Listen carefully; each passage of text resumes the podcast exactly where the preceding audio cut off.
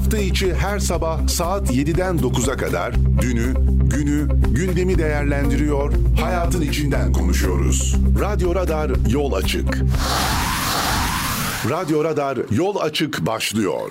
Efendim hayırlı sabahlar, günaydınlar. Bugün de sizlere merhaba demenin keyfini yaşıyoruz. Ee, ayın 20'sindeyiz efendim. Güzel bir gün. Dün böyle bulanık bir havayla beraber sizlere merhaba demiştik. Sabah saatleri itibariyle böyle hava kasvetli ne oluyor acaba filan derken hakikaten de meteoroloji bu kez tutturdu. Sabah saatlerinde parçalı bulutlu. Sabah saatlerinden sonraki dönemde ise öğleden sonra saatlerinde olabildiğince sıcak bir hava vardı. Yandık piştik desek de herhalde yeridir. Ee, bugün de güneşli bir havayla güne başlıyoruz ve bugün de güneşli olarak devam edeceğiz görünüyor. Herkese kocaman kocaman günaydınlar efendim. Gününüz güzel geçsin. Gününüz güzel haberlerle de olsun. Gününüz, rızkınız inşallah bol olsun. Hepiniz hoş geldiniz, sefalar getirdiniz. Bugün de 91.8 Radyo Radar'da Kayseri'nin tek haber radyosunda ve Kayseri'nin en çok dinlenen haber radyosunda e, sizlerle birlikte olmanın keyfini yaşayacağız. Saat 9'a kadar programımız devam edecek. E, gündemle, piyasayla başlayacağız. Türkiye'de, Kayseri'de neler olmuş, neler bitmiş Dilek'le beraber sizin için bunları analiz etmeye, anlatmaya, mümkün olduğunca yorumlamaya ve size haberler iletmeye devam edeceğiz. Öncelikle para piyasalarıyla başlamak lazım. E, bildiğiniz üzere bu perşembe e, artık para politikaları kurulunun faiz kararı çıkacak. Kaç gündür de konuşuyoruz. Faiz kaç olacak acaba? İnecek mi? Çıkacak mı? Bunların derdini, bunların telaşını yaşarken e, piyasada bunun telaşını ve derdini öncesinden satın alarak güne ve haftaya başlamış oldu aslında ne yazık ki e, dün itibariyle 17.60 civarına kadar çıkan dolar şu an itibariyle 17.54 civarında ve yükselişini devam ettiriyor görünüyor dünden bu tarafa geçen süreçte. Dün 18'i bir ara geçen ve ben buradayım diyen euro şu an bankalar arası piyasada 17 lira da 98 kuruştan işlem görmeye devam ediyor ve yükselişler ve tansiyonlar ne yazık ki burada birazcık daha yüksek. Dolar ve euro birbirine eşitleniyor çok yakın ne kadar az kaldı filan diyorduk. E, dolar ve euronun eşitlenmesi birazcık birbirinin arasına mesafe açtı. E, 1 lira hatta 0.99'a düşen parite e, dolar ve euronun birbirine ait olan paritesi şu an itibariyle 1.02 1.024 civarında devam ediyor. Euro birazcık kendini toparlıyor gibi oldu. Sebep de şu dün itibariyle Avrupa Birliği Merkez Banka Avrupa Merkez Bankası faiz arttırım kararı 50 bas puan 75 bas puan civarında faiz arttırım kararı çıkarttı. Bunun anlamı parasının bir miktarda değerlenebileceği anlamına gelmesiydi. Hani bizde faizle alakalı üstümüze düşeni gerekirse yapıyoruz. Paramızın arkasındayız dediler. Hal böyle olunca da piyasa tamam siz de paranızın arkasındaysanız biz de sizi görüyoruz o zaman diyerek orayı da birazcık daha körüklediler ama dolar euro dünya genelinde de birbirine çok yakın devam ediyor. Hepimizin canla başla beklediği ve her seferinde ne olacak acaba çok iyi pahalıya alıyoruz akaryakıtı diyerek korktuğumuz Brent petrol fiyatı geçtiğimiz hafta biliyorsunuz bir dönem itibariyle 100 doların altına düşmüştü. Düşecek düşecek daha da düşecek göreceksiniz derken 106 dolar nokta 106 dolar 84 cent civarından şu an an itibariyle ile e, Brent petrolde işlem görüyor. Bunun anlamı da bir süre daha petrolde indirimleri yaşamayacağımız hatta dolar kurunda seyreden bu artış sebebiyle önümüzdeki günlerde e, artışlar yaşayabileceğimiz korkusunun da ön plana çıkmasıdır. E, gerçi Bakan Nebati bu anlamda şeyde yakıtta farklı indirimler olacak diye böyle bir müjde havasında bir şeyler verdi ama ne değişecek onu da çok fazla bilmiyoruz. Hani vergi mi almayacağız, ÖTV mi almayacağız, KDV mi düşüreceğiz, ne yapacağız bu kısmı çok fazla bilmiyoruz. Ama an itibariyle Brent petrol fiyatı 100 106 e, dolar 84 sent olarak işlem görüyor. Bir de serbest piyasaya bakıp ondan sonra serbest serbest haberlerimize bakalım. Altın ne olmuş? Serbest piyasada kapalı çarşıda dolar euro ne alemdeymiş?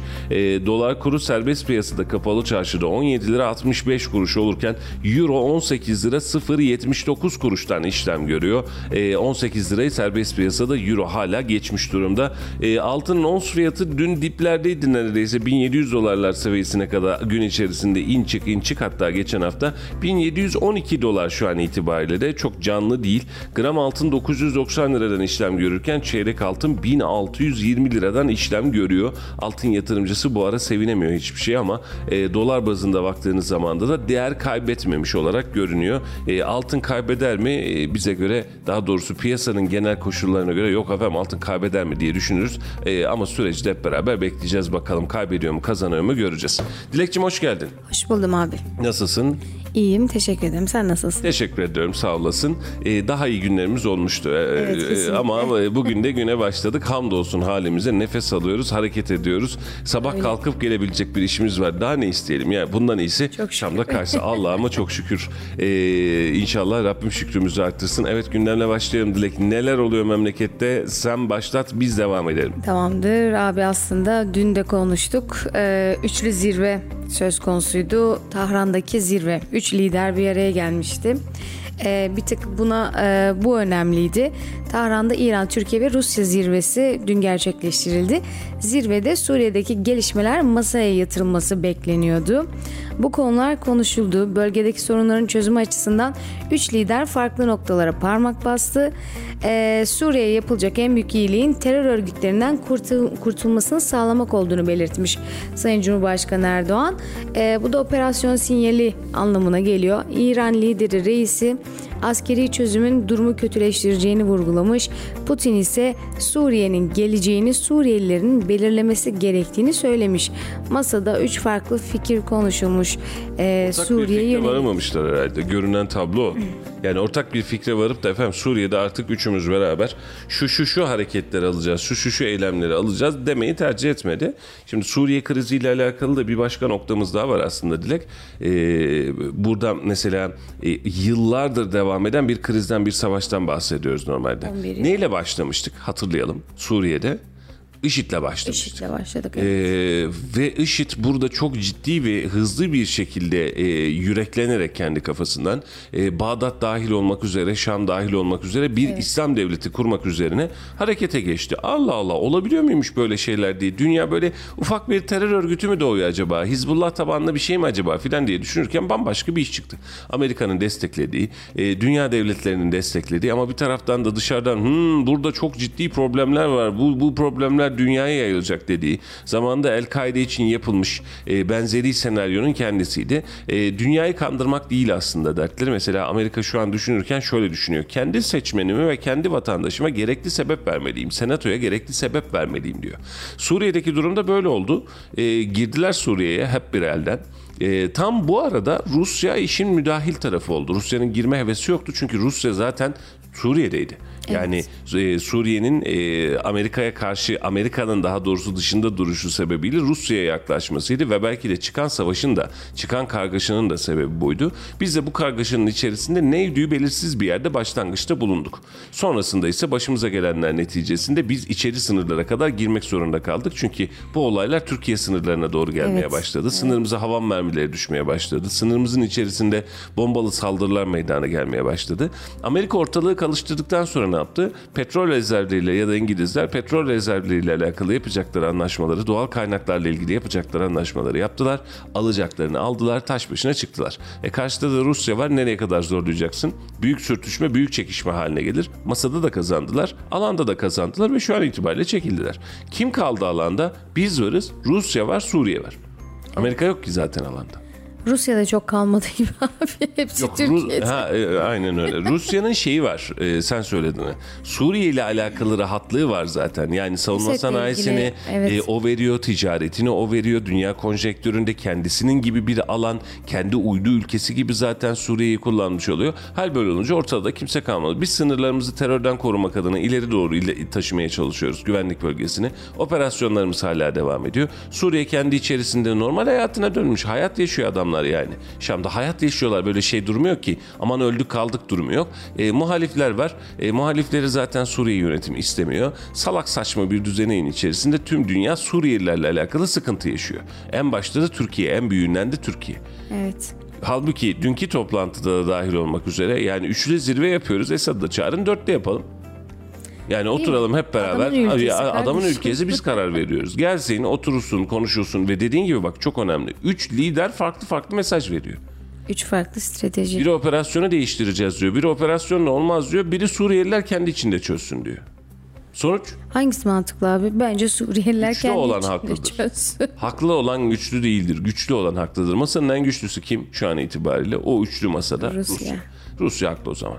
Yani sen Rusya'ya rağmen yapabildik Sayın mi? Vladimir Putin'i çok haklı buluyor. Ya basit bir şey. Biz e, uçağı düşürdükten sonraki süreçte Evet. Suriye hava sahasında biz bir daha uçak uçuramadık.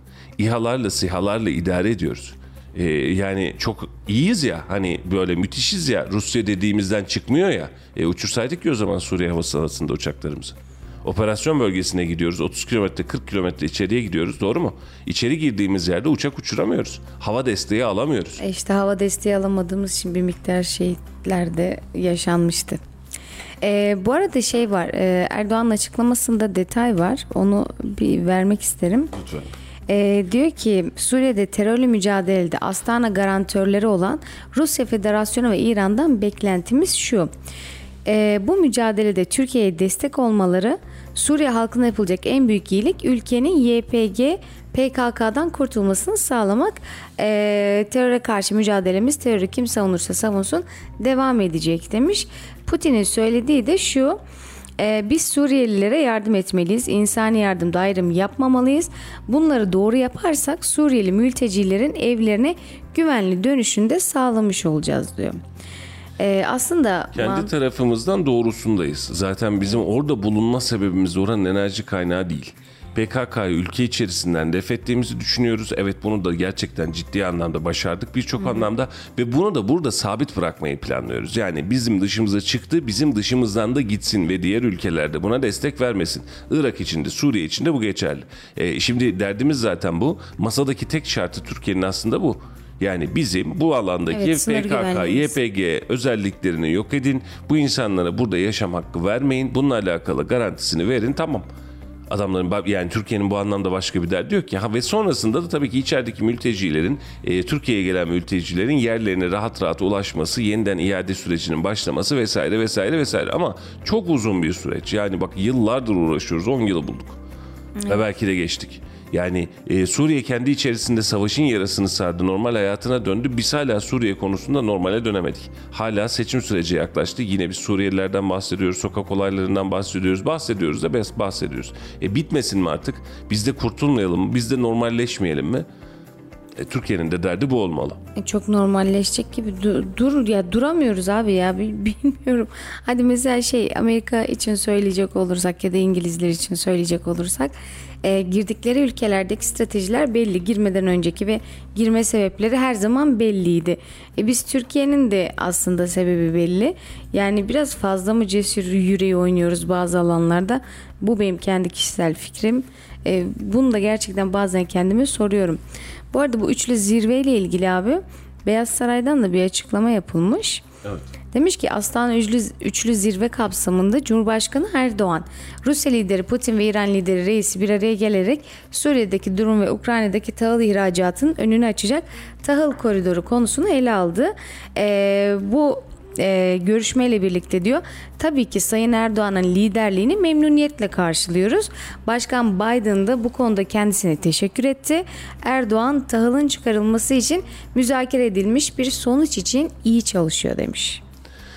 Valla diplomasimiz, e, siyasetimiz bu anlamda güzel. Dün Cüneyt Özdemir'in bir tweet'i vardı. Hoşuma da gitti.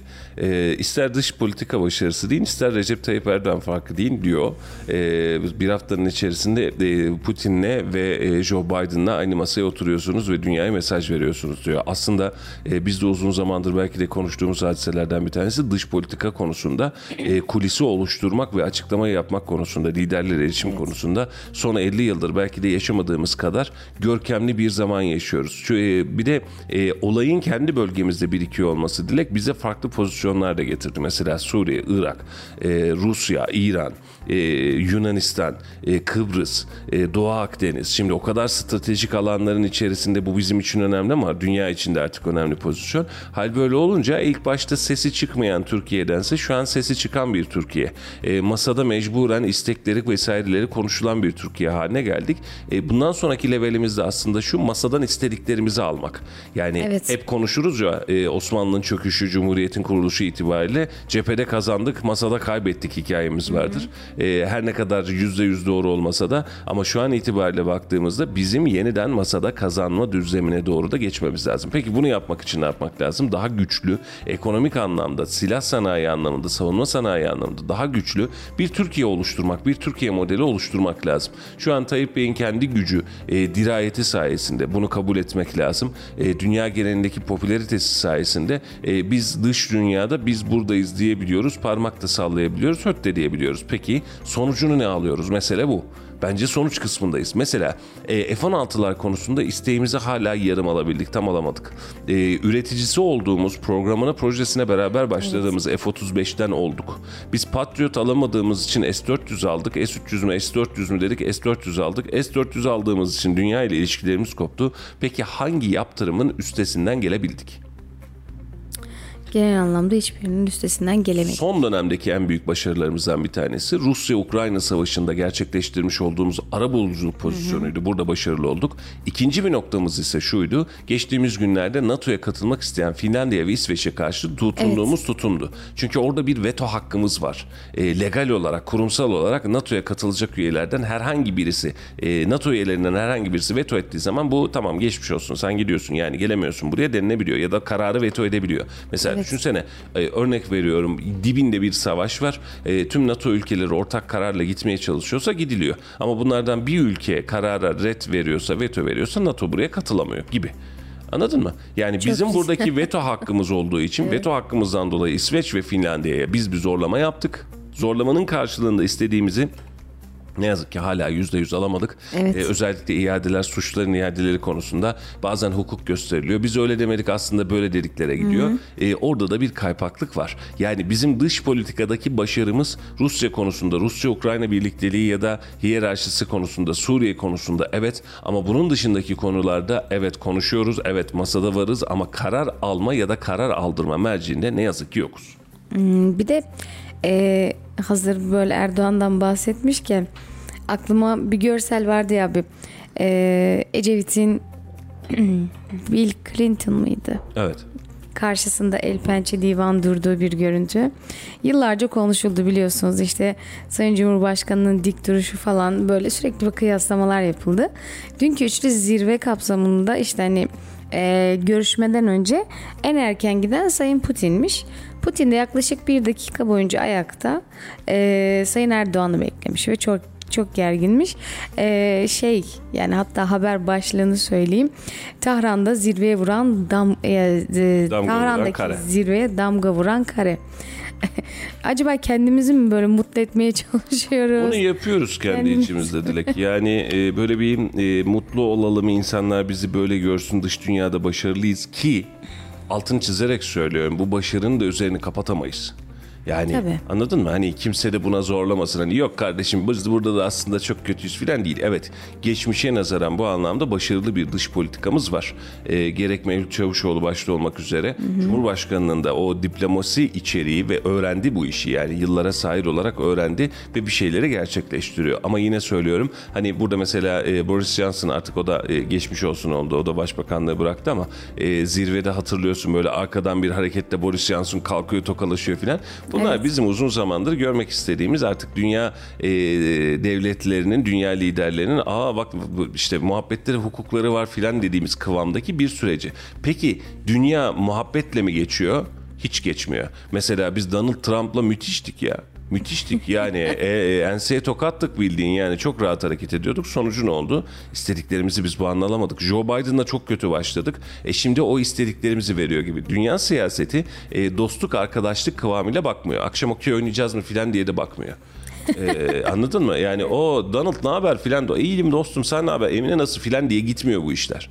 Yani e, bu işlerin süreçleri ülkelerin kendi politikaları kendi kararlarıyla gidiyor ve siz masada ne kadar güçlü olduğunuzu ikili ilişkileriniz çok önemli. Önemsiz demiyorum yanlış anlaşılmasın ama bundan çok çok daha önemli olan sizin stratejik, siyasi, jeopolitik ve silah sanayiniz dahil olmak üzere, ekonominiz dahil olmak üzere duruşunuz.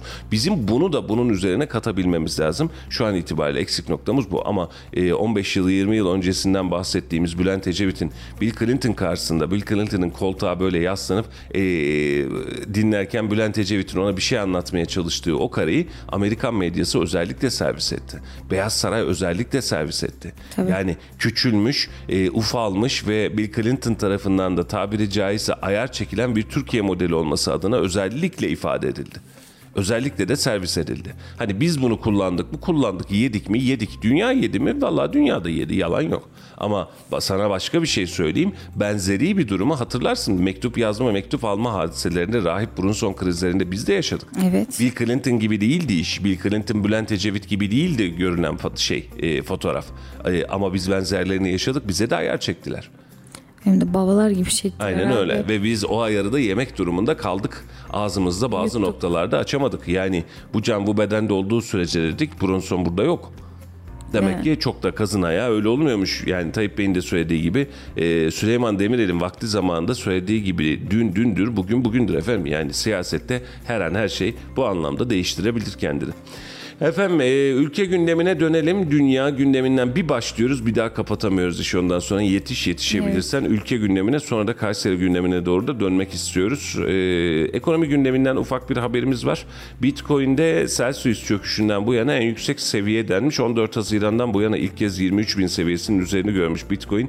E, ve e, fiyatlarda yaşanan yukarı yönlü ivmenin ardından kripto para piyasasının büyüklüğü yeniden 1 trilyon doların üzerine çıkmış. E, kriptoda yatırımı olanlar ya da kripto ne olacak diyenler için en azından bu e, rakamı vermiş olalım. 19 bin dolar seviyesine kadar düşen Bitcoin yeniden 23 bin dolar seviyesine kadar yükseldi. Ne getirir ne götürür bu saatten sonra bilmiyorum. E, ama dostlara arkadaşlara hep söylüyorum. E, bunu radyodan da en azından söylemiş olalım. Buradan da anlatmış olalım. Efendim bedava peynir fare kapanında bulunur. Hani çok büyük paraları çok büyük marjları kısa dönemde yatıracağım ve kazanacağım diye girenler bazıları çok güzel paralar kazandı. Bazıları da evi barkı sattı ve gitti diyarı terk eyledi.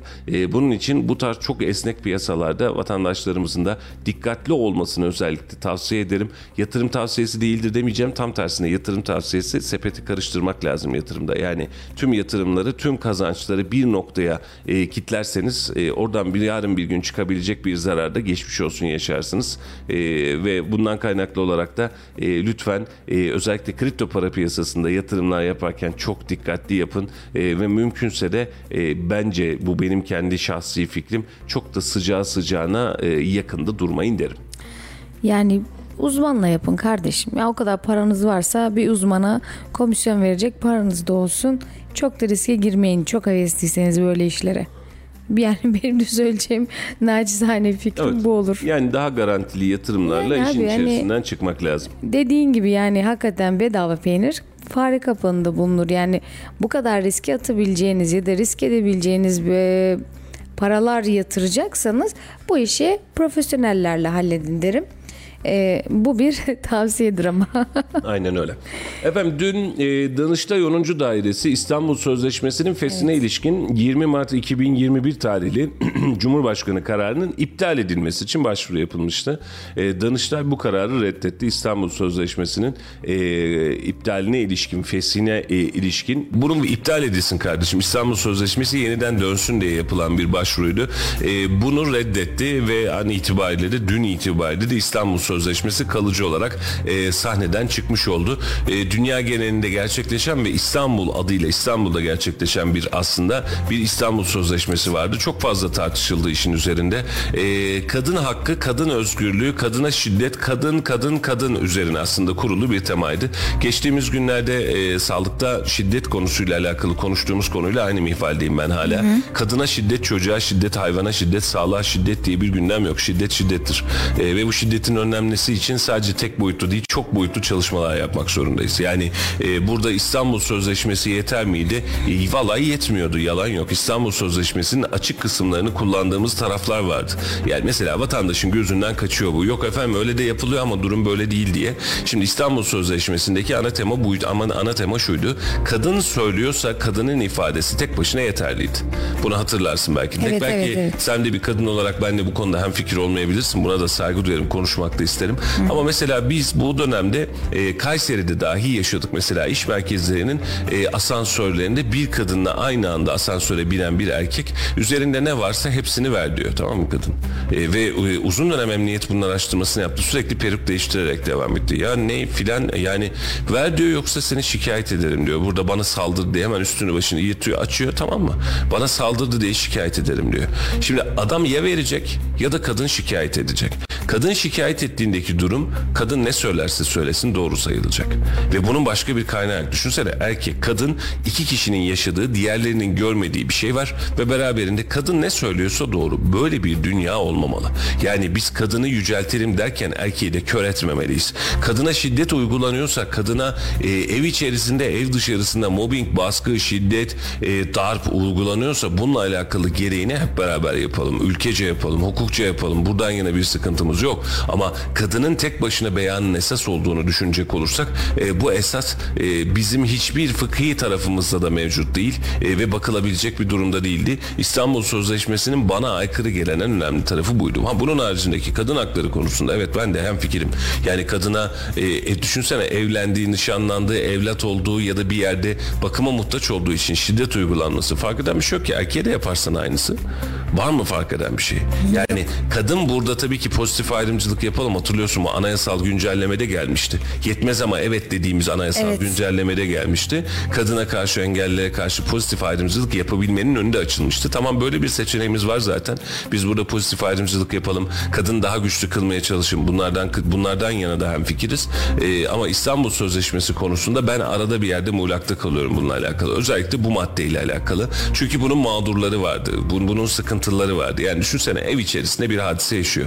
Ee, karı koca. Evet. Ve kadın e, isterse haksız olsun hiç problem değil. Kendi söylediği geçerli olduğunu bildiği için tak diye gidiyor mahkemede. Bana böyle böyle yaptı ya da bana bunu bunu söyledi dediği anda tüm denge bitiyor. E, adam bakıyor e, benim hiç mi e, söyleyecek lafım yok. Kadın söylediyse doğrudur.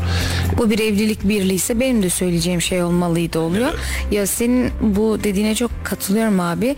E, ifade esası riskli bir konuydu. E, çoğu insandan haklı olan insandan da çok şey götürdü. Yani kurunun yanında yaşı yakan bir e, ibareydi. Belki o ibarede bir düzenleme yenilik yapılabilir miydi? Yapılabilirdi.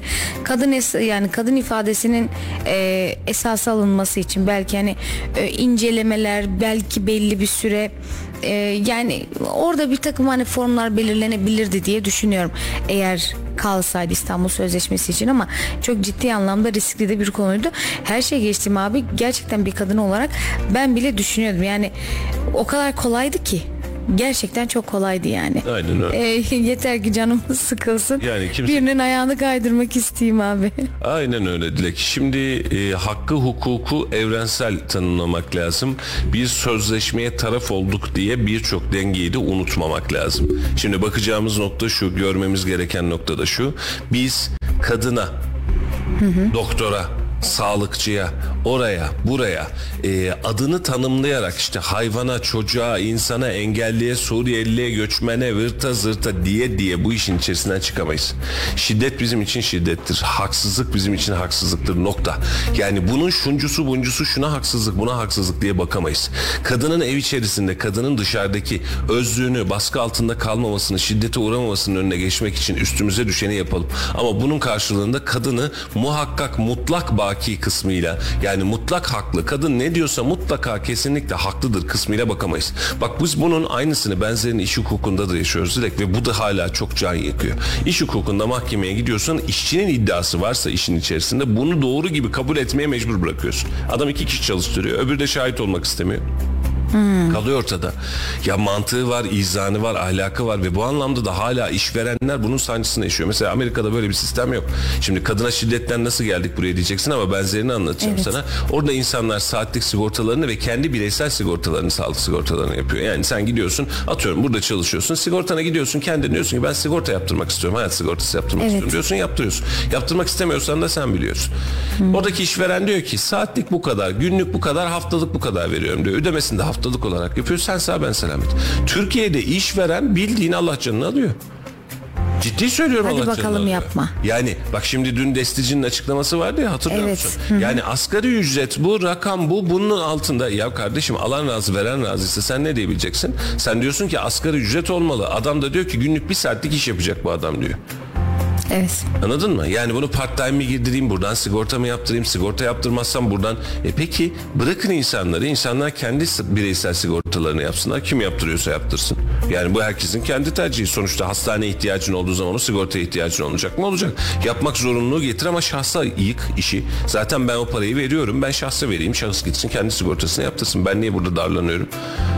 Ba Bağkur mantığı böyle değil değil mi abi? Bağkur işletmecinin yani çalışanın değil. Bağkur işletme sahibinin kendisinin sosyal sigortasını ödemesi aslında o kendisi ödüyor. Şimdi dönüyorsun hadi geçtik Bağkur SSK kısmını. Herhangi bir iş mahkemesine gittiğin zaman işçi kesinlikle haklı. Nasıl olacak bu iş?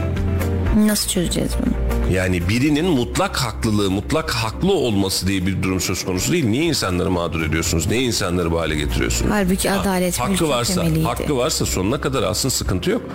Ama biz bu noktada kadına şiddet konusunda da özellikle İstanbul Sözleşmesi konusunda da bunu kendi kendimize yaşattık. Üzerine koyduk. Kadın ne diyorsa haklıdır dedik ve ben dediğim gibi sözleşmenin tek maddesi bu değil ama bence en sıkıntılı maddesi buydu. Evlilik bitiren maddesi, Beyan hayat esas. bitiren maddesi, insanların e, böyle artık yeter artık dediği maddesi buydu. E, bundan kaynaklı olarak bitirilmesi konusunda taraf değilim. Düzenleme keşke yapılabilseydi ama bir sözleşmeden bahsediyorsunuz. Hani e, hükümet de bu anlamda şöyle bir çıkış yaptı. Bizim bu sözleşmeye ihtiyacımız yok. Biz zaten kadınımızı koruyoruz diye devam etti işin içerisinde. İstanbul Sözleşmesi bittikten sonra kaç kadına ne kadar etkili oldu bu bunu bilmiyorum. Bugün yarın muhtemelen açıklamaları çıkacaktır. E, ama bizim kendi haberci olarak söylüyorum. Yapmış olduğumuz haberlerin içerisinde kadına şiddet arttı mı diye bakacak olursan sözleşme bittikten sonra e, Kayseri özelinde söyleyeceğim. Bizim gördüğümüz tematik böyle o bu da bu bak sözleşme bitti şiddet arttı diyebileceğimiz bir durum yok. Evet bunu ya o şekilde konuşamayız. Ee, şiddet her zaman vardı. Bilip bilmediğimiz gündem olan e, gü- gündeme düşen ama e, ciddi anlamda hani kaldırıldığında dediğin gibi kaldırıldığı için bu rahatlıkla bir şeyler artmadı. Evet. En azından Kayseri'de bunu net bir şekilde de söyle. Gerçi ülke genelinde de söyleyebiliriz ya. Yani ama şu da var abi ya. Hani bu şiddet uygulayan insanlarda bir pişkinlik de söz konusu yani. Ne olacak ki giderim işte bir sene yatarım, iki sene yatarım. Zaten bu tarz eğilim olan insanların uç fikirleri oluyor. Bunu zaten engelleyemezsin. Şimdi cinayetten, seri cinayetten, üst üste ikinci, üçüncü cinayetinden yatan insanlar var. E ne yapacaksın? Adam öldürmeye adam meşrep haline edilmiş. Yani dün bir olaya şahit oldum gece saatlerinde. İsimlerini de söylemeyeyim. Yani bir kafede tartışma çıkıyor. Belindeki silahına davranıyor. Bizzat şahit oldum ya. Belindeki baba yok bağırıyor artık insanların ortasında. Yani e, bu onun için bir meşrep yani. Bu onun için bir rahatlık. Tamam diyor ya ben buradayım sıkıntı yok diyor. Ben gereğini yaparım diyor. Çünkü o insanı normal şartlarda legalize etme şansın yok.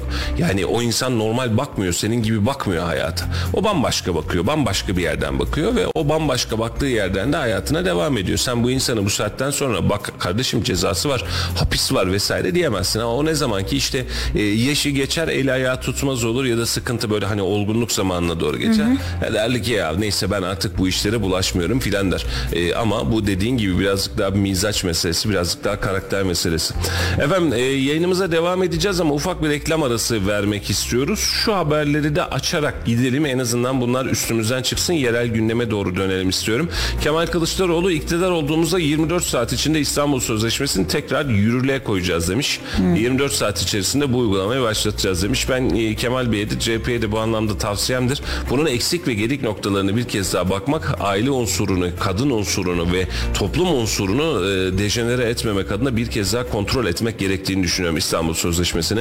Sadece popülist söylemler uğruna bir yere gitmenin bir anlamı yok. Kadınlar, kadın birlikleri, kadın komisyonları, feminist gruplar dahil olmak üzere sadece feministler değil tüm kadın grupları tercih ediyor ama e, bu anlamda bir taarruzu var. İstanbul Sözleşmesi yaşatır diye arkasında Evet. durmak istedikleri yerler var. Haklı oldukları taraflar var ama yine söylüyorum bizim mesela biz onu da söyledik Avrupa Birliği'ne girelim de rahat edelim. Biz Avrupa Birliği'ne girmeden de rahat edebiliriz. Aynı kanunlara, aynı özlükleri, aynı insani yaşantıları siz koyarsanız Avrupa Birliği sadece size sınır özgürlüğü verir. Bunun dışında hukuku siz korursunuz. Şimdi e, Avrupa Sözleşmesi, şey, e, İstanbul tamam. Sözleşmesi ile beraber karşımıza çıkabilecek artıları ve eksileri oturur hesap edersiniz. Biz şu şu şu özlükleri istiyoruz dersiniz. Buna göre de mantıklı bir Güzel çözüm oluşur. Ama kadının söylediği haklıdırdan gidebilecek bir e, açıklamaya, gündeme e, ve böyle hani iki kişinin arasında geçti ve kadın söylüyorsa kesinlikle bu diye bir denilebilecek bir gündemde e, şahsım adına bende yokum. Çok yani, ufak bir parantez açabilir miyim abi? Bu sözleşmeyle ilgili e, evlilikleri çok ciddi etkiledi ya boşanmalarda da çok ciddi aslında e, farklı kararlar alınmasından da neden olmuştu. Evet. Şöyle ki kadın esa, kadın beyanının esaslılığı noktasında çocuk varsa ortada şiddet uyguluyor, onu yapıyor, bunu yapıyor. Yani babanın çocuğuyla olan ilişkisini dahi çok ciddi etkiledi aslında bu sözleşmeler. Çünkü kadının beyanının esaslılığı ortada yokken bile kadın kin üzere ya zaten böyle yapıyordu, çocuğu dövüyordu, beni dövüyordu, onu yapıyordu. Dedi ve bitti. Dedi ve bitirdi. Yani bunun raporu var mı yok. İşte çocuk buna şahitlik ediyor mu yok. Bu böyle mi yok. Öyle yapıyordu efendim. Bitti geçmiş olsun. Yapmıyorsa da yapıyordu oldu işte. Bu tarz düzenleme isteyecek. Yani, yani hak diyorsanız hak herkese, hukuk herkese lazım. Adalet herkese lazım. Birinin beyanıyla gideceksek o işin içinden çıkamayız. E, son bir malzeme daha e, KYK müjdesi ardından e, biliyorsun CHP mi e, AK Parti mi Kılıçdaroğlu'na teşekkür mü yaşasın reis mi böyle bir arada kaldı. evet. Dün de yorumladık aslında bunu dinleyemeyenler için. E, vallahi yapana da yaptıranın da ellerine sağlık derim. Ben e, dün yayında da söylemiştim zaten. Tayyip Bey'i de bu anlamda saygı duyarım, alkışlarım, tebrik ederim. Muhalefeti takdir ederim. E, güzel iş yaptılar. Yani desteklediler, bir kamuoyu evet. oluşturdular ve bu iş bitti. İki tarafında bu anlamda başarısı var. Sebep sonuç diye bakmam ben eylemin kendisine bakarım. Yani e, sonuca bakmak lazım. Tevfik Göksu, Cumhurbaşkanımız Erdoğan'ın KYK müjdesini kendisine mal etmeye çalışan CHP Genel Başkanı öğrenciler için gerçekten e, laf değil iş yapmak istiyorsa İstanbul Büyükşehir Belediye Başkanı 58 gündür öğrencilerin e, Büyükşehir Belediye Meclisi tarafından verilen indirimi yerine getirmiyor. Bunun talimatını versin demiş. Yani yerel, kırsal e, ve kendini e, ya neyse takılıyoruz denilen e, siyasete doğru döndürmüş. Efendim kısa Abi, bir reklam arası buyur kardeşim. E, bir tane hazır Türkiye gündemindeyken söyleyeyim tabii, dedim. Tabii ki. Efendim e, yumurtaya zam gelmiş. E, geçtiğimiz haftalarda kolisi 30 lira olan yumurtanın e, şu anki nakliye, yem ve enerji maliyetleri gerekçe gösterilerek kolisi 50 lira, lira liralara kadar çıktı. Bu da bir zam haberi diyelim. Buradan da duyurmuş olalım. Yumurtada bir hareketlilik vardı zaten. Ee, devam ediyordu ee, ve şu an itibariyle zaten e, eldeki veriler ve bütçeler e, maliyetleri düşürmek yerine maliyetlerin artırdığını gösteriyor, arttığını evet. gösteriyor. Ne yazık ki de böyle devam etmiş oldu. Yumurtaya zam gelmiş demişken yayından sonra hatırlat e, bir yumurta haberi hikayesi var. E, onu da anlatayım. Efendim kısa bir e, reklam arası vereceğiz. Yaklaşık 2-2,5 dakika sonrasında buradayız. Bir yere ayrılmayın. Yerel gündemde Kayseri'de ne oluyor ile devam edeceğiz yayınımızın kalan kısmına. Ama önce bir reklam ardından burada olacağız efendim. Şimdi reklamlar. Sen de hayatın dolu dolu tarz. Aç bir dolu dolu sen de hayatın dolu dolu tarz Aç bir mevsim dolu dolu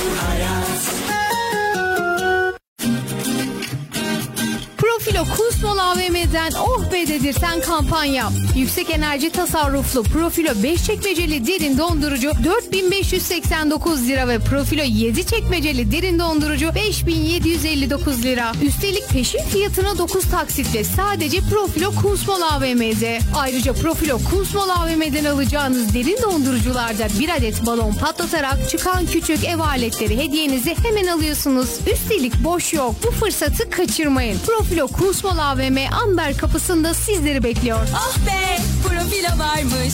Oh oh oh oh oh be profilo varmış.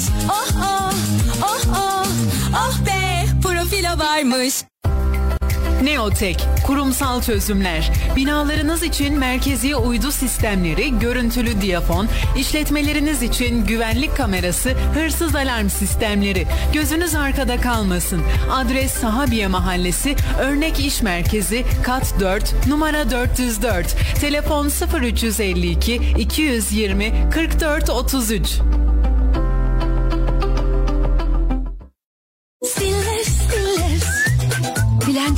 Stilevs Çay makinem Stilevs, cezvem Stilevs, tost makinem Stilevs. Stilevs, Stilevs. Artık mutlu herkes. A sınıfı binalar için A sınıfı pencereler ürettik. 7 odacıklı, 3 camlı, 3 contalı Özerpan pencereleri. Isı cam love ve ısı cam solar loveyi bütünleştirdik. İstediğiniz mükemmel ısı yalıtımını gerçekleştirdik. Siz de evinizde huzuru korumak, konforun keyfini sürmek için Özerpan showroomlarına uğrayın. Unutmayın ki doğru yapılan ısı yalıtımı 4 mevsim konfor ve tasarruf demektir. Ayrıntılı bilgi için telefon 444 62 30 ve www.özerpan.com.tr Kelepçeler, setler, kolyeler, pırlantalar, altın ve döviz en iyi fiyata İhsan Mücevherat'ta. İhsan Mücevherat, Kazancılar Çarşısı, Katrancılar Sokak'ta. SMT Otomotiv 7 gün 24 saat kaza müdahale ekibi ve çekici hizmetiyle her zaman yanınızdayız. Tüm kaporta işlemleri, boya, mekanik, plastik tampon tamiri, şase düzeltme, pastacıyla, far parlatma, boya koruma ve daha fazlası SMT Otomotiv'de. Kasko ve sigorta anlaşmalı servisimizle hasar takip ve tespit hizmetleri hızlı ve güvenilir bir şekilde hizmetinizdedir. Adres Yeni Sanayi Şeker Kısmı 15. Sokak No 8 Kayseri. Telefon 0532 250 46 35.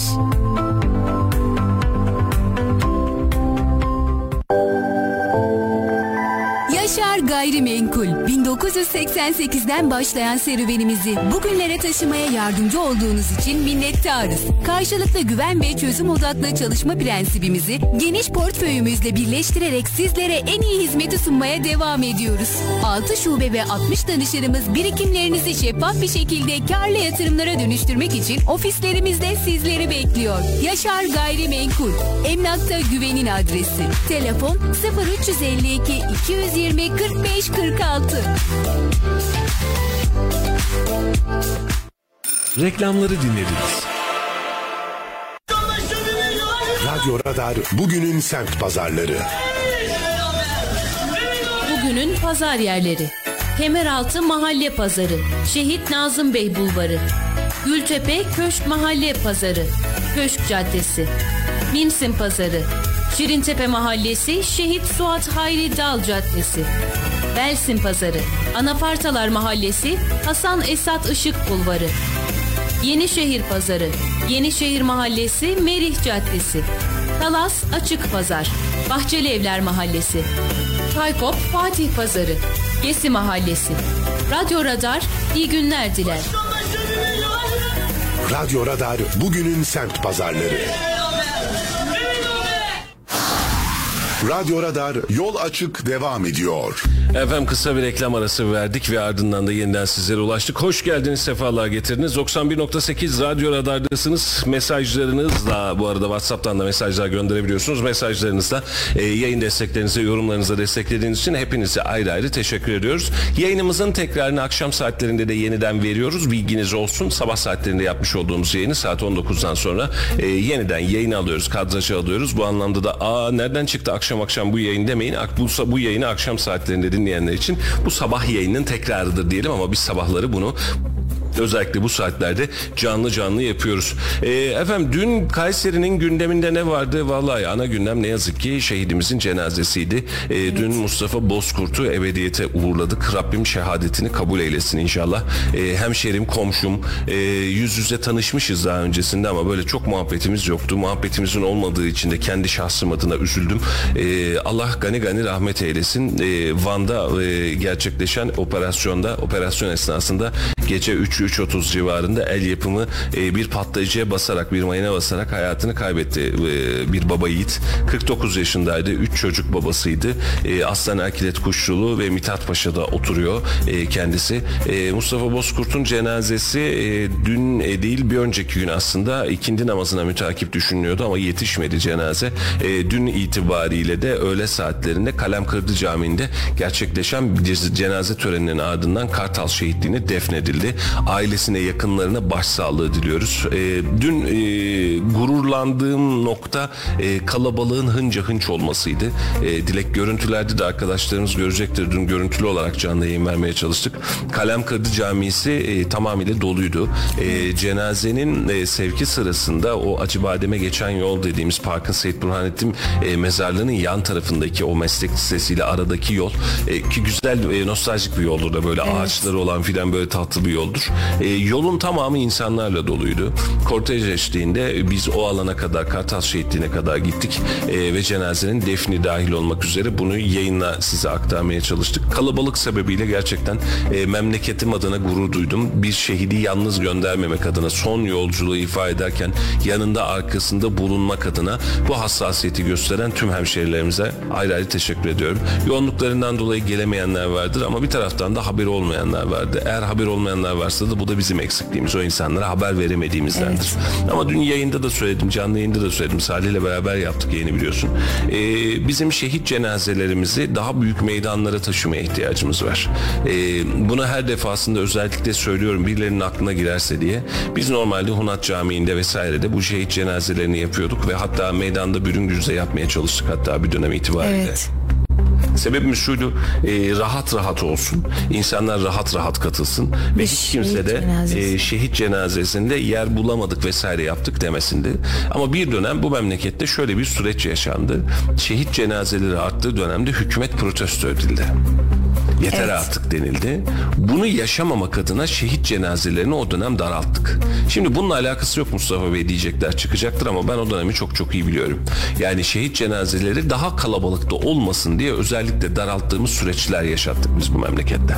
Ee, bundan kaynaklı e, biz Kalem Kırdı Camii'ni taşıdık Kayseri'de. Sadece Kayseri'de değil Türkiye genelinde bu yaşandı.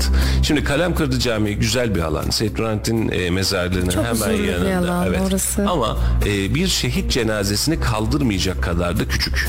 E, yanlış anlamayın. E, şehit cenazelerinde tepki olur mu acaba diye dediğimiz dönemleri geçtiğimize göre bizim şehit cenazelerinde daha meydanlarda, daha görünür alanlarda, daha herkesin yani şehrin trafiği duracakmış. Kardeşim dursun ya. Yani bir vatan evladı toprağa düşmüş, e, bir vatan evladı şehadet şerbetine içmiş, bir vatan evladı vatan için canını vermiş. E onun sonrasında da hiçbir şey olmamış gibi ya da ya tamam bunu da işte defnettik son görevimizi yerine getirdik gibi bakmamak lazım.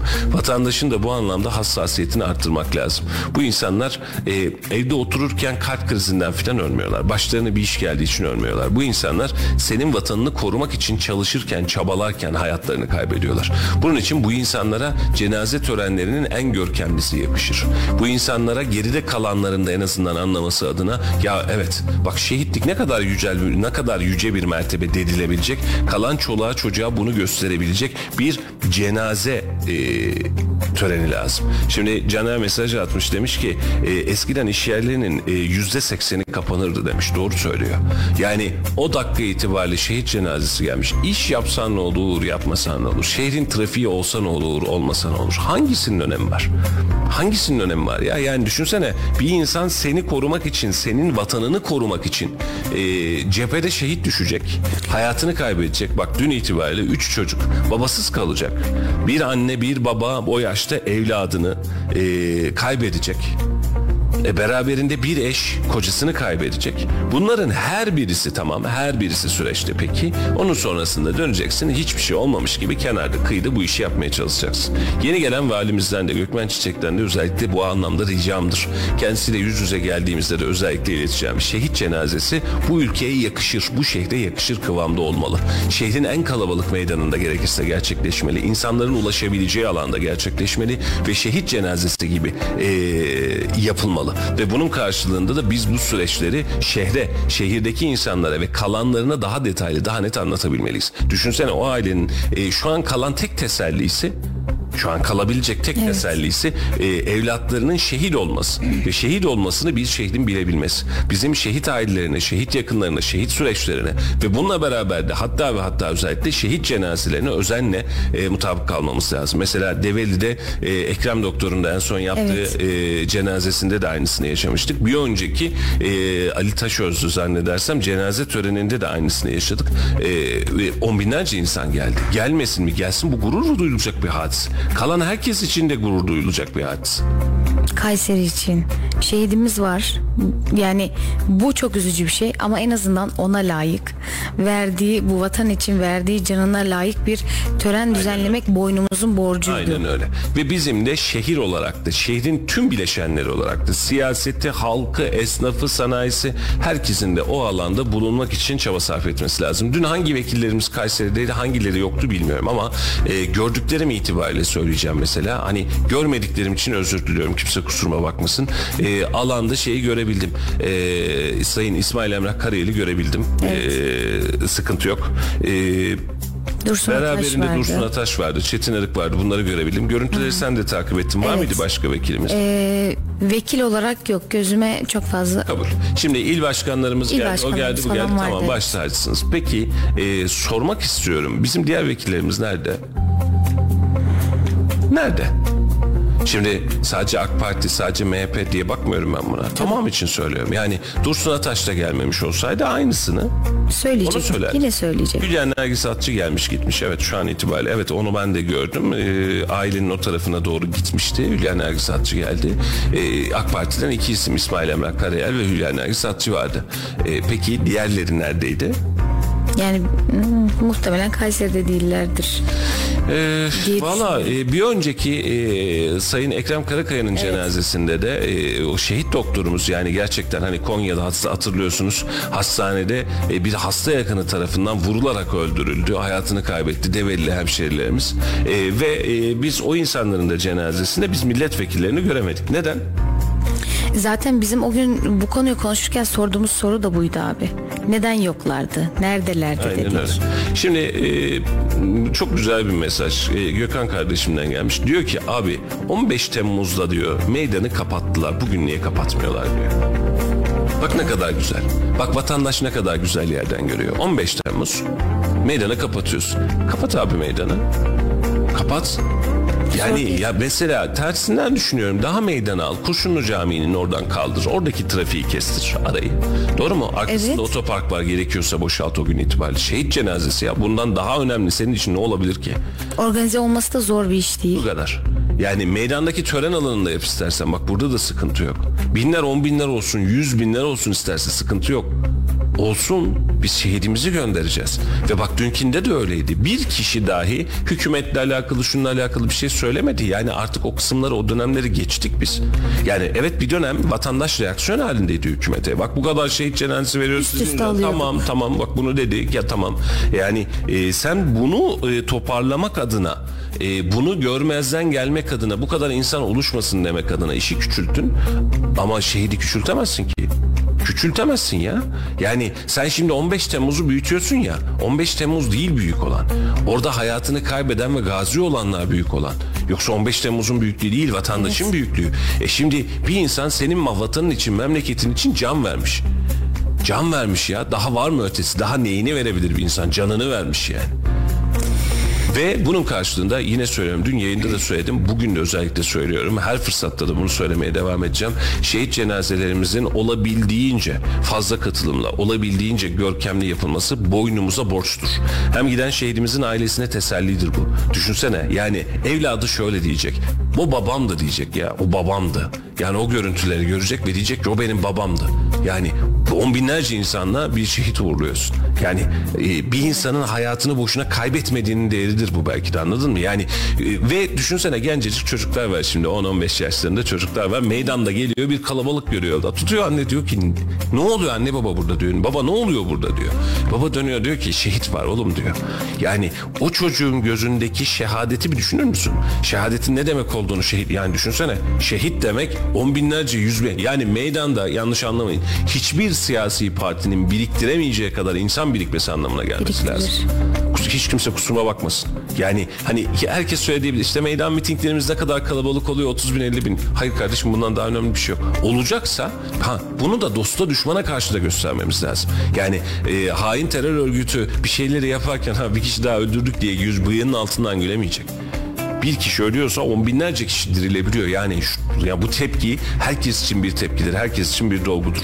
Kaçırdık, kaçırıyoruz ee, ve küçültüyoruz. Üzülerek söylüyorum. Dün tüm bunlara rağmen yani Kalem Kırdı Camii'nde aman burada yapalım denilen cenaze törenine rağmen e, dün hınca hınç dolu bir alan vardı ve açık söyleyeyim e, yeter mi? Şehrim adına Yetmezdi. yetmez. Bak şehrim adına yetmez ama hınca hınç dolu muydu? Doluydu. Ee, ama bunu şehrin sakinleri de bu anlamda verecektir. Yanlış anlamayın bu benim için de geçerli. Esnaf arkadaşlarım, çalışan arkadaşlarım için de geçerli. Öğle saati. Yani gidip dışarıda bir yerde yemek yiyeceğiniz bir saati. Doğru mu? Bir şehit cenazesine Abi yemekten dönüyordur, yemeğe gidiyordur. Yani e, meydan gibi bir yerde olduğunda e, hiç yoksa dünün iki katı, üç katı insan olacaktı orada. Aynen öyle. Gerçekten yani öğrenciler görecekti, gezmeye çıkanlar, gurbetçiler. Bunun sadece kendi yerli halkımız dışında. Turistler görecekti, ne olacaktı yani iç dış her şeyden konuşabiliriz bunu. E, bir duada onlar okurdu ya bir Fatiha da onlar okurdu. Bunu sak- neden sakınıyoruz? Hakikaten neden sakınıyoruz? Valla teknik imkanlarımız el verdiği sürece e, biz bu tür şehit cenazelerimizi canlı yayınlarla vermeye çalışıyoruz. İmkanlarımız doğrultusunda vermeye de devam edeceğiz. E, burada bir beklentimiz yok. Yani biz e, oradaki zamanımız habercilik ya da daha fazla reyting olsun filan umumuzda değil. Yani e, o insana bir kişinin daha dua okuyabilmesi, bir kişinin daha bu hissiyatı en azından hissedebilmesi bizim için de çok zor. Yani bir şahsım adına en azından benim için gerçekten çok zor yayınlar oluyor. E, sıkıntılanıyorum yani rahat edemiyorum anlatırken konuşurken şu an bile rahat edemiyorum. Ee, ama bu memleket bizim ve bu insanlar bizler için bu vatanın bekası için şehit oluyor. Hiç kimse de dönüp de bu işi küçültmek uğruna e, bir şeylere çaba sarf etmesin. Şu anki konjektürdeki vekiline, belediye başkanına, valisine değil söz. Ama bu süreç önceki dönemde oluşturuldu ve başlatıldı ve ricamdır lütfen e, sözüm yettiğince nefesim yettiğince bunu söylemeye devam edeceğim. İnşallah biz hiçbir şekilde bir kez daha şehit cenazesine katılmak zorunda kalmayız. En büyük temennimiz budur her şeyin ötesinde. Ama bu ülkede yaşıyorsak biz bunun arkasını kesemiyoruz. Yıllara sahip bunu gördük. Ama bu ülkede de bu memlekette de bir şehit cenazesi olacaksa şehrin hani gerekirse mesela örnek veriyorum e, gelmiş şehidimiz misal olarak veriyorum Bünyanlı gelmiş Tomarza'da mesela hani Tomarza'da kılınsın. Lütfen bunu da yapmayın. Tomarza'da yine kılınsın. Bak Tomarza'da yine yapılsın ama gelin bu şehrin meydanında bir kez cenazesini kınalım. Bir kez helalliğini isteyelim. Daha sonrasında götürün Tomarza'da bir kez daha kıl. Yaşamadık mı bunu? Yaşanmıyor mu? Legal değil mi? Mümkün. İstiyorsan beş kez Dinen de hiçbir namazı. sakıncası Aynen yok. Ama e, bunu sağlamazsak, bunu sağlayamazsak şehadeti küçültmeye çalışmaktan başka bir işe yaramayız. Dün yayını verirken abi yani bir saat aşkın bir süre yayın verdik. Ee, en- yani güzel mi demeliyim? Yani mesela dedik ya reyting ya da o bu falan değildi ama e, yayınları veriyorum. Oradan da biliyorum takip ediyorum. İnanır mısın abi tüm sosyallerimizin hepsinde giren e, kişi sayısı hep mi sabit kalır? Artıyordu ama çıkmıyordu insanlar. Ulaşamayan insanlar, gidemeyen insanlar, haberi olmayan insanlar bizi izledi. Bizi izledi. Onlar da e, ne yorumlar geldi abiye. Yani ağlayan burada ben ağlıyorum. Burada ben dua ediyorum diyen insanlar. Fiili anlamda orada olmasa da şehidimizin cenazesinde olanlar. Onun için Fatiha okuyan insanlar da vardı. Çok şükür ki bu yayını yaptık. Vesile olduk. E, bu da ayrıca bir gurur kaynağı e, bizim için. Öyle söyleyeyim. E, dediklerine de çok katılıyorum. Gerçekten bu iş bir şehitse e, iş olarak değil ama bu bir e, şehit cenazesi ise önce buradan kalkacak. E, küçük çocuğumuz da görecek. En yaşlımız da görecek. Bugün durup bir daha düşünecek. Diyecek ki bu vatan için hala canını kanını veren insanlar var. Bu şuuru en küçük nesillerimize de böyle aktarabiliriz. Yani bir kurtuluş savaşı yaşamayacağız bundan sonra. Allah yaşatmasın da yani bunlar yaşanıyorsa bu şuur anca böyle diri tutarız. Aynen öyle. Şimdi Gökhan kardeşim biraz önce yazmış. Abi kamu, kamu personeli diyeyim diyor. Yemek yemeyip eee, az da olsa katıldım. Sadece namazını kılabildim. Defneye yetişemedim. Buradan devlet erkanına da sesleniyorum. Açılış için personel istiyorlar kalabalık olsun diye. Aynı hassasiyeti şehidimiz var. Katılım yapılacaktır demelerini de bekliyorum demiş. Tebrik ediyorum kardeşim. Bak ne, Ne kadar, kadar güzel. güzel. Yani eee, açılış olduğunda yarın bir gün Recep Tayyip Erdoğan cumartesi gün burada olacak. Evet davet edildik Gelmeyecek. mitinglere. Gelmeyecek mi herkese? Belediye çalışanlarına vesaire katılın, katılın denmeyecek mi? Denecek. İlçelerden otobüs kaldırılmayacak, kaldırılacak. Neyimiz eksik? Neyimiz eksik? Niye yapmayalım bunu?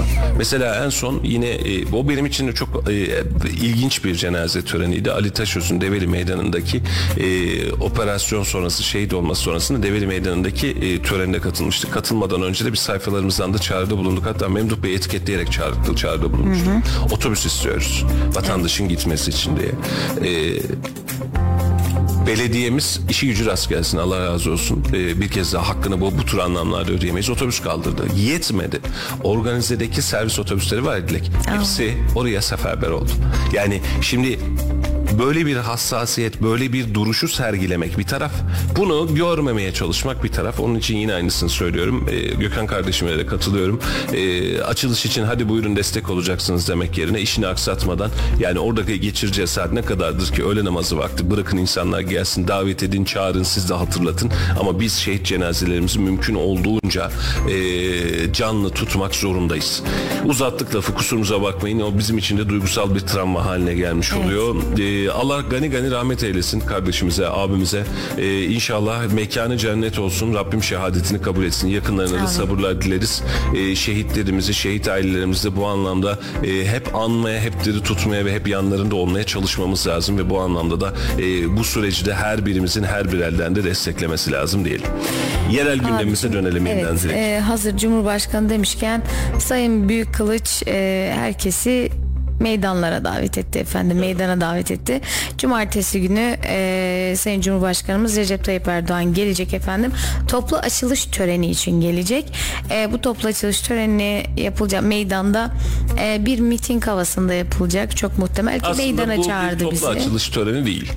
Çünkü toplu açılış töreni olsa neyin açılacağını öncesinden biz en azından bilirdik. Evet. Neyin açılacağını dahi bilmiyoruz. Bu bir miting aslında. Hoş gelsin, buyursun, sefalar getirsin. Cumhurbaşkanının buraya gelmesi, e, başka bir muhalefet liderinin de buraya gelmesi bizim için e, onurdur, gururdur. Misafir ederiz, e, söyleyeceklerini dinleriz ve göndeririz. Bu hepsi hepsi için geçerli. Cumhurbaşkanı uzun zamandır Kayseri'ye gelmiyordu. Buyursunlar, hoş gelmişler, sefalar getirmişler ama şu an itibariyle keşke toplu açılış programı diye kendimize sürekli gündem yapıyoruz. Şimdi o gün de sahneden muhtemelen şu kadar ürün, şu kadar ürün, şu kadar bütçe, şu kadar değerde şunun açılışı yapılacak dense. Keşke.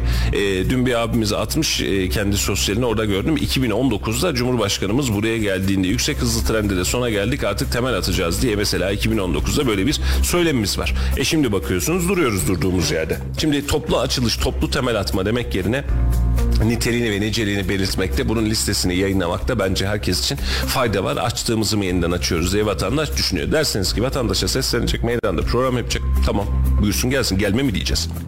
Yani Toplu açılış olmayınca gelme mi diyeceğiz. Buyursun gelsin hoş gelsin sefalar getirsin başımız üstüne. hatta belki açılış programları daha sıkıcıdır abi. Ya işin adı toplu açılış. Ee, çok büyük mega projelerde Cumhurbaşkanımız bu anlamda açılış kıvamında mesela buranın açılışını yapıyoruz diyor. Uzaktan bağlantı yapıyor vesaire bir şeyler yapıyor ama belediyelere geldiği zaman, yerel yönetimlere geldiği zaman iş toplu açılışa dönüyor. Son bir yıl, iki yıl içerisinde yapılan ne varsa alt alta üst üste yazılıyor. Daha önce açılmış şu an hizmetine devam eden yerlerde toplu açılış kapsamında yapılıyor. Burada da şu söyleniyor. Yani bu ben buna hayıflanıyorum. Atıyorum gelecek diyecek ki atıyorum şu kadar milyon lira değerindeki açılışımızı e, belediyelerimizin hizmetlerini vesairenin yaptığı açılışı yapıyoruz diyecek ve geçecek. Hani bunu yapmak yerine keşke şey olmuş olsa hani bir noktayı biz şunu açmaya geldik denmiş olsa. Çünkü açılmış, hizmetine devam etmiş, üzerinden bir yıl geçmiş, neredeyse eskimiş, fonksiyonunu bile yitirmeye başlamış malzemelere biz toplu açılış diyoruz. Ama bunun dışında yine söylediğim gibi Cumhurbaşkanı'nın da buraya gelmesi, şehrimize gelmesi e, bizim için de şereftir. Buyursun gelsin. E, buyursunlar gelsin. İnşallah o günde Allah'tan mal çıkmazsa biz zaten alanda olacağız. O günü de e, Cumhurbaşkanımızın anlattıklarını, konuşmalarını Kayseri Meydanı'ndan yaptığını da biz canlı yayında size ulaştırmaya çalışacağız. Gün boyu da e, program eğer netleşirse buna göre de takip edeceğiz. E, bu kısmı da böyle anlatmış olalım. Evet. e, Buyurun. AK Parti eski milletvekillerinden tengri çıkışı var abi. Konuşalım mı? Yani Pelin Gündeş Bakır. Bakır e, e, yani ilginç bir e, mizaç olmaya başladı. Şu an Hülya Nergis Atçı ile alakalı konuştuğumuz şeyleri biz Pelin Gündeş e, Hanım zamanında da Pelin Gündeş Hanım için konuşuyorduk. Öyle bir vekildi yani e, özetlemek için söyleyeceğim. E, sosyal medya hesabından dün ilginç bir çıkış yapmış. E, sevgili takipçilerim lütfen nüfus kağıdınıza din hanesine tengri filan yazdırmaya kalkmayın. Bu saçmalık nereden çıktı ya? Vallahi dinden çıkarsınız. Bunun vebalini ahirette ödeyemezsiniz demiş. E, şimdi oraya tengri yazdırıyorsa zaten bu yazdırma yazdıran adamın dinle bir işi yok. İslam diye yazdırmıyor da Tengri diye yazdırıyorsa e, Tengri nedir eğer bakacak olacak olursanız e, Türklerin ilk e, dini e, aslında yani e, bilinen ilk dini E, ve birileri tanrı de tek tanrı yine de tek tanrı inancı birileri buna inanıyor olabilir mi? Bu o bir tercih meselesi. Buna bir şey diyemem. Yani bunu şöyle düşünün. E, e, Sayın Baktır şöyle demiş olsaydı. e, değerli takipçilerim e, atıyorum e, kimliklerinize Hristiyanlık diye yazdırmayın dinden çıkarsınız filan demekle hemen hemen aynı bir şey. Aslında e, böyle bir meyanı birazcık garip bir e, uygulamaydı. Çok da fazla e, üstüne durmamak lazım. Ama e, dinden çıkıyorum dediği hadise e, nüfus kağıdınızda yazıyor diye bir dine mensup değilsiniz. Bir de fetva veriyoruz Aynen. abicim. Yani nüfusun nüfus kağıdınızda yazıyor diye çünkü doğuşta yazılıyor bu biliyorsun otomatik olarak. Tabii. Ee, yani şimdi e, nüfus kağıdında İslam yazan ve İslam'a inanmayan, ateist olan, deist olan onlarca, yüzlerce, binlerce belki de insan var. Evet. E, şimdi siz bakıyorsunuz diyorsun ki buraya e, peki e, nüfus kağıdında Müslüman yazmıyor, İslam yazmıyor. E, bakıyorsun İngiltere vatandaşı, Yunanistan vatandaşı ama İslam'a inanıyor. E ne yapacaksın bunu? Yazmıyor diye orada başka bir şey yazıyor diye insanların dini mi değişecek? E, aslında bir e, böyle bir tam bir sosyal medya haberiydi ama e, sayfamızda da vesairemizde de yürümüş oldu. Kayseri Şeker e, çalışanlarına 3. zam vermiş. Toplu iş sözleşmesinde e, 2072 personelin ücretlerine 2022 yıl içerisinde 3. kez zam yapılmış. %30 ila 35 arasında değişen zam oranlarıyla birlikte bugüne kadar geçen 6 aylık süreçte sözleşmeli personel ücretini %100.40 toplu iş sözleşmeli personel ücretine %101.07 oranında arttırmış. Hayırlı uğurlu olsun. E, aslında nitelikli bir haber ama bir taraftan da şöyle bir hadise var. Şu an itibariyle gelen zam, yeni gelen zam %30, %35. E, şeker fabrikası daha öncesinde yılbaşı itibariyle zaten bir zam yapmış. Yıl içerisinde bu üçüncü zam olmuş. E, ve bu dönemde de e, enflasyon karşısında artık asgari ücretin vesairenin artması sebebiyle bir %30, %35 daha zam yapmış. Asgari ücrete gelen zamla hemen hemen benzer bir zam olmuş. Şeker personeline hayırlı uğurlu olsun. Ben şahsım adına e, bu %30, %35'ten daha fazlasını Kayseri Şeker'den beklerdim işin açıkçası. Sebebi de şu, oradaki personeller de memleket için, kendileri için, evleri, haneleri için çalışıyor. E, bu kadar enflasyonun altında ezilirken %30 sadece asgari ücret zammı kadar hiç yoktan yine iyidir. Ama toplamdaki enflasyona baktığımız zaman yine de enflasyonun fazlasıyla bir değeri var. Şimdi şeker de hali hazırda bu kadar para etmişken e, Hüseyin Akay Bey bu anlamda çiftçiye de aslında bir mesaj vermişti. Hatta bizim Tokat yayınımızda hani gün geldiğinde kampanya döneminde e, oluşan şeker fiyatlarına göre yeniden pancar Evet. fiyatlarını da yeniden arttırma ihtimalimiz var demişti. Bu anlamda çalışan ücretlerinin de artması güzel olabilirdi. Daha fazla bir e, kaynak beklenebilirdi. Rakamları da açıklamış bu arada abi gördün mü onu? Ee, şey demiş en düşük personel maaşı ikramiyeli, ikramiyeli net 9221 lira. Sözleşmeli personelde ikramiyeli en düşük e, ücret ise 8150 lira oldu deniyor. Aslında e, gerçekten hani evet piyasayı değerlendirdiğimizde çok yüksek rakamlar değil ancak e, yine de iş görür mü? Yine de bir Asgari %30 ücret zam geldi mi? evet. Yani Evet. Şimdi e, birkaç haber daha geçip e, Laf Sokak'ta'ya da dönmek istiyorum izninizle. E, Abdullah Gül'ün 5. Abdullah Gül Üniversitesi'nin 5. mezuniyet törenine Abdullah Gül de katılacak. Dün akşam kendisi Kayseri'ye geldi. E, şehit cenazesine, cenaze evine taziye ziyaretinde de bulundu. Arkadaşlar bugün haberlerini hazırlıyorlar, geçecekler. Abdullah Bey beraberinde de e, Abdullah Gül Üniversitesi'nin mezuniyet törenine katılacak. Yanlış hatırlamıyorsam bu 5. mezuniyet ve 5 mezuniyettir Abdullah Bey e, bu anlamda eksik etmiyor.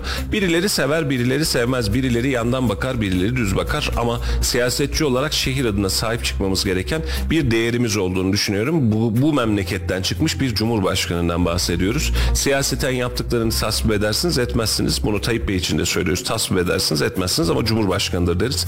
E, bu anlamda şehrin cumhurbaşkanı. Burada şu özellikle söyleyeceğim. Ahmet Davutoğlu da AK Parti'nin içerisinden kopan ve hatta kendisine parti kuran bir insan. Ahmet Davutoğlu parti kurduğu için ve Konya'da bunun bir altyapısı olduğu için yani Konya'da bir karşılığı olduğu için e, Konya şu an Kayseri'den çok çok daha iyi yatırımlar alıyor devlet kanadında. Çünkü e, hükümette bir taraftan buradaki büyümeyi engellemek adına biz de buradayız demeye çalışıyor. Biz Abdullah Gül'e sadece sahip çıksaydık bakın seçseydik demiyorum. Sadece sahip çıkmış olsaydık arkasında durmuş olsaydık net söylüyorum Kayseri şu an çok çok daha kamusal alanda kazançlı olmuş olacaktı. Yani Abdullah Bey'in geldiğinde gittiğinde arkasına fazla değil 1000-2000 tane insan takılabilmiş olsaydı. Sadece bu kadar. Evet. Ve şehrin özelinde bir dinamik yani Abdullah Gül'ü böyle trollemek ya da ötekileştirmek yerine arkasında durabilmiş olsaydı ki bence bunu hak ediyor. Bak bu kadarını gerçekten hak ediyor.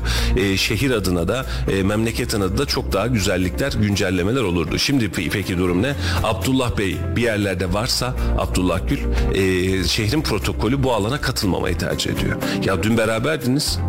Yan yanaydınız, iç içeydiniz, aynı partideydiniz. Partinizin başbakanıydı, cumhurbaşkanıydı. Başbakanlığını da yaptı, cumhurbaşkanlığını da yaptı Abdullah Bey. Bu kadar mı hızlı sırtınızı dönersiniz?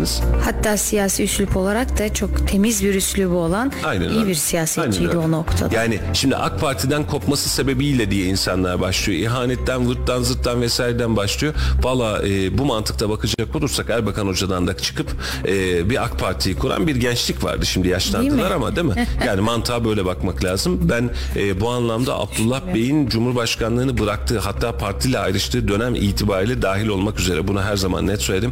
Abdullah Gül bu şehrin değeridir. Sahip çıkılması lazım. Sahip çıkılmaya ihtiyacı var mı? Evet var kardeşim. Yani bu şehir için Cumhurbaşkanlığı yapmış. Bak bu şehir için, bu ülke için Cumhurbaşkanlığı yapmış. Bu şehirden çıkmış. Tabanı bu şehirde. Annesi babası rahmetler bu şehirdeydi. Kardeşi bu şehirde. Hani tartışmalı tarafları vardır, eleştireceğiniz taraflar vardır. Vardır kardeşim tabii ki olacaktır. Buna da bir itiraz yok ama şehrimizin insanı.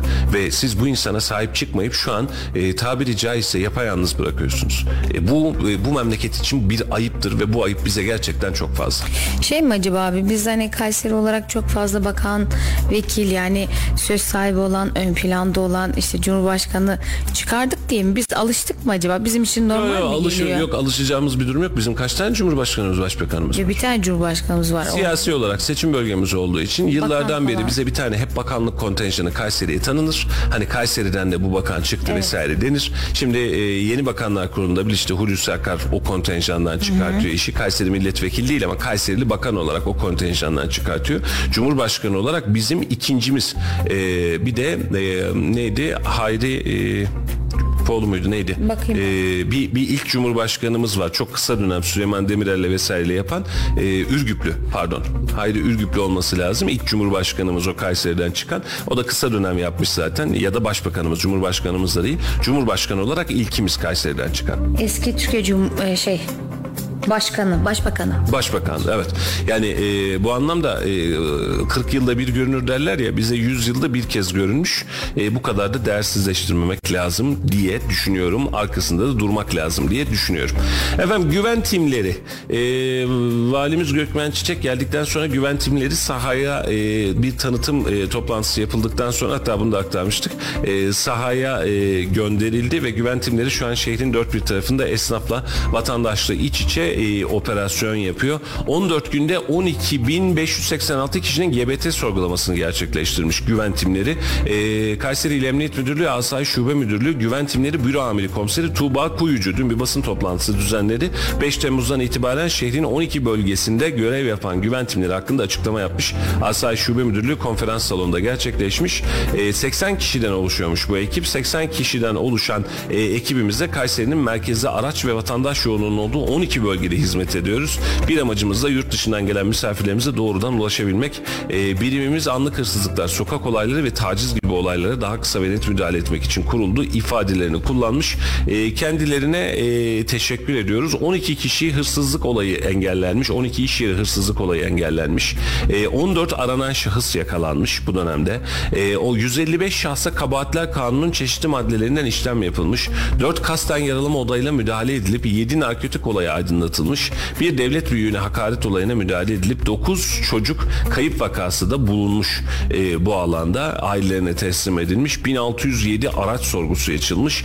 E, gibi gibi devam ediyor. E, Vali Bey'i, emniyet güçlerimizi ve bu birimi, güven timlerini de tebrik etmek istiyorum. Sebebi şu, e, ihtiyacımız olan nokta buydu. Hatta biz daha önce de söylemiştik. Kişisel silahlanmanın çok fazla olduğu, güpe gündüz meydan ortasında 3 kişinin öldüğü, insanların birbirini kurşunladığını da hesaba katarak güven tedbirlerimiz gerçekten sıkıntı ve tereddüt yaşadığı insanlarda bence üst taramasını hızla yapmalı.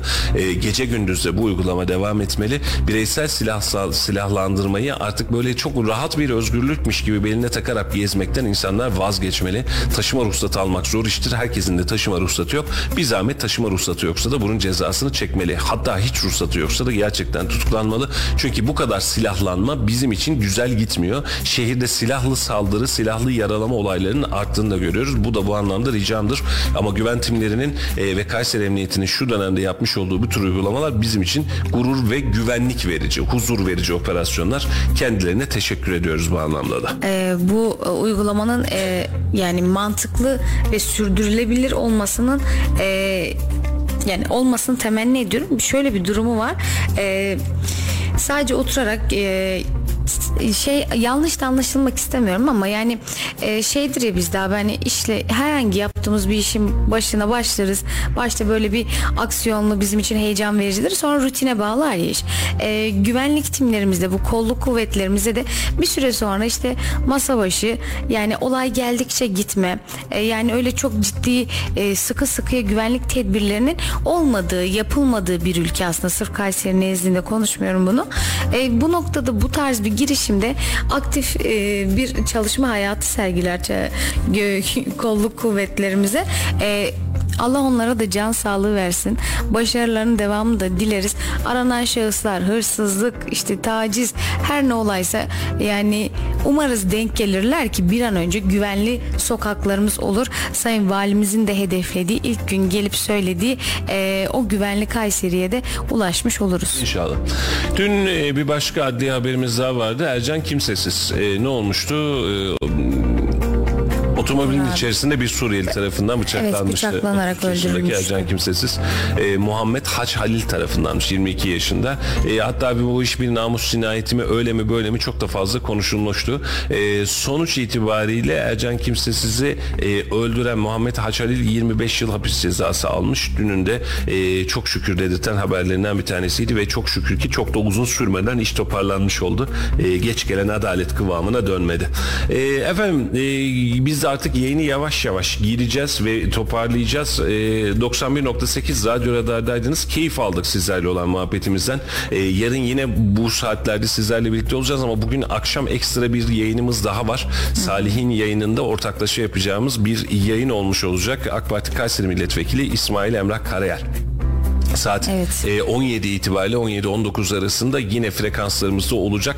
E, birazcık gurbetçilerin festivalini, birazcık e, Tayyip Bey'in Kayseri'ye gelişini, birazcık da yerel siyaseti ve ilçe siyasetini konuşacağız İsmail Emrah Bey'le şeref duyacağız. E, bu akşam itibariyle e, 17-19 arasında bu yayında bizden takip edebilirsiniz. Radyo Radar ve Kayseri Radar ekranlarından da takip edebilirsiniz. E, akşam bir kez daha birlikte olacağız ama yarın e, yol açık programı sabah saatlerinde başlayacak. Son bir piyasa fiyatlarıyla başlayıp toparlayıp bitirmek istiyorum.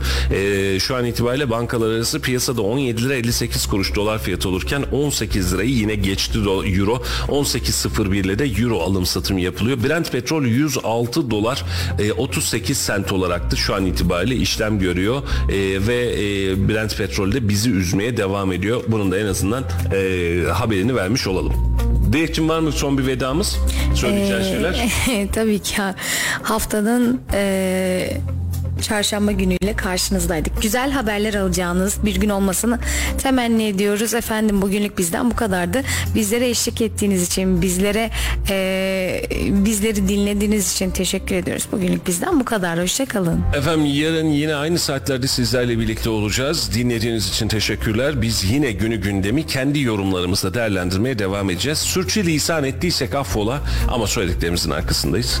E, hakkınızı helal edin. E, kıracak, üzecek bir şey şeyler yapmaya değil e, tarafsız ve ortada olmaya çalışıyoruz e, ve buna da devam edeceğiz Allah'tan mani olmasa. Cumhurbaşkanı Erdoğan'ın kabine toplantısı sonrası yaptığı KYK kredi faizleri siliniyor sorusu Laf Sokak'ta ekibi tarafından Kayseri sokaklarında soruldu. Acaba vatandaş ne dedi bu duruma? E, oradayız. Oradan da yeni kapatıyoruz. Görüşmek üzere. Çok iyi bir karar. Tam yerinde bir karar. Öğrenciler için, gençler için. Ben faizin kökten kaldırılmasından yanayım. Çünkü 15 bin lira galiba çok daha fazla faiz getiriyordu. Ee, sevindirici. yapılan kabine toplantısında Cumhurbaşkanı Recep Tayyip Erdoğan KYK kredi faizlerinin silineceğini duyurdu. Siz bu konuda ne düşünüyorsunuz? Yani genel olarak e, olumlu gibi görünüyor ama yani öğrenci açısından yani faiz o büyük miktar yani genel olarak fazla olduğu için yani çok da bir artısı düşünmüyor. Artısı olduğunu düşünmüyorum yani. İşsiziz. Yani atanamıyoruz. Ben öğretmenim, din kültürü öğretmeniyim. Yani 3 yıldır atanamıyorum. Yani e, faizin de çok düşmesi çok da önemli değil benim benim açımdan yani. Keşke diğeri de silinse. Üniversite bitirmiş biri olarak yani bütün arkadaşlarımın çoğu almışlar. Almıştı ya. Yani bunlar güzel oldu bence. Arkadaşlara bir kazanç olmuş oldu. Ya tabii ki iyi bir e, sonuç. E, bütün öğrencilere hayırlı olsun. E, daha önceki ödenenlerden de, faizlerine tekrar alınırlarsa memnun oluruz. Vallahi silinmesi çok iyi olur bence. Zaten ortam pahalı ya. En azından bir yerde indirim olsun insanlara. Rahatlamak için bir fırsat olur bence. Öğrenciye ödenmemeli. İş bulduysa tamam maaşından kessin de faiz ödenmemeli. Ben faizin kökten kaldırılmasından yanayım. Borçların silinmesi bence gayet güzel çünkü adaletsiz bir sistem var. Yani ben bana 24 bin veriyorsun ve bana onun iki katı olarak hatta üç katı olarak ödeme veriyorsun. Bu bence yanlış bir şeydi. Silmeleri doğru bir şey ama daha etkin şeyler lazım. Bu konudaki düşüncem çok iyi bir karar. Tam yerinde bir karar. Öğrenciler için, gençler için. Ben kredi almıyorum, burs almıyorum ama alanlar için şöyle söyleyeyim. Mesela 35 bin 40 bin kredi alıyorsa örnek veriyorum bilmiyorum miktarını. Bu faiziyle şuyla buyla 150 bine dayanıyor. Gençler zaten iş bulamıyor. Bu işsizlik var. Ekonomik kriz var. İşte zorlanıyorlar bayağı. Ondan sonra ne bileyim ondan sonra diyorlar ki işte gençler niye yurt dışına çıkıyor? E tabii iş olmazsa işte gençlerin önü açılmazsa gençlere bir hak hukuk tanınmazsa tabii yurt dışına kaçacak gidecek. Mesleğini orada icra edecek. Düşüncem çok iyi bir karar ve çok yerinde bir karar. Olumlu bir gelişme. Çünkü 15 bin lira galiba çok daha fazla faiz getiriyordu. Ee, sevindirici.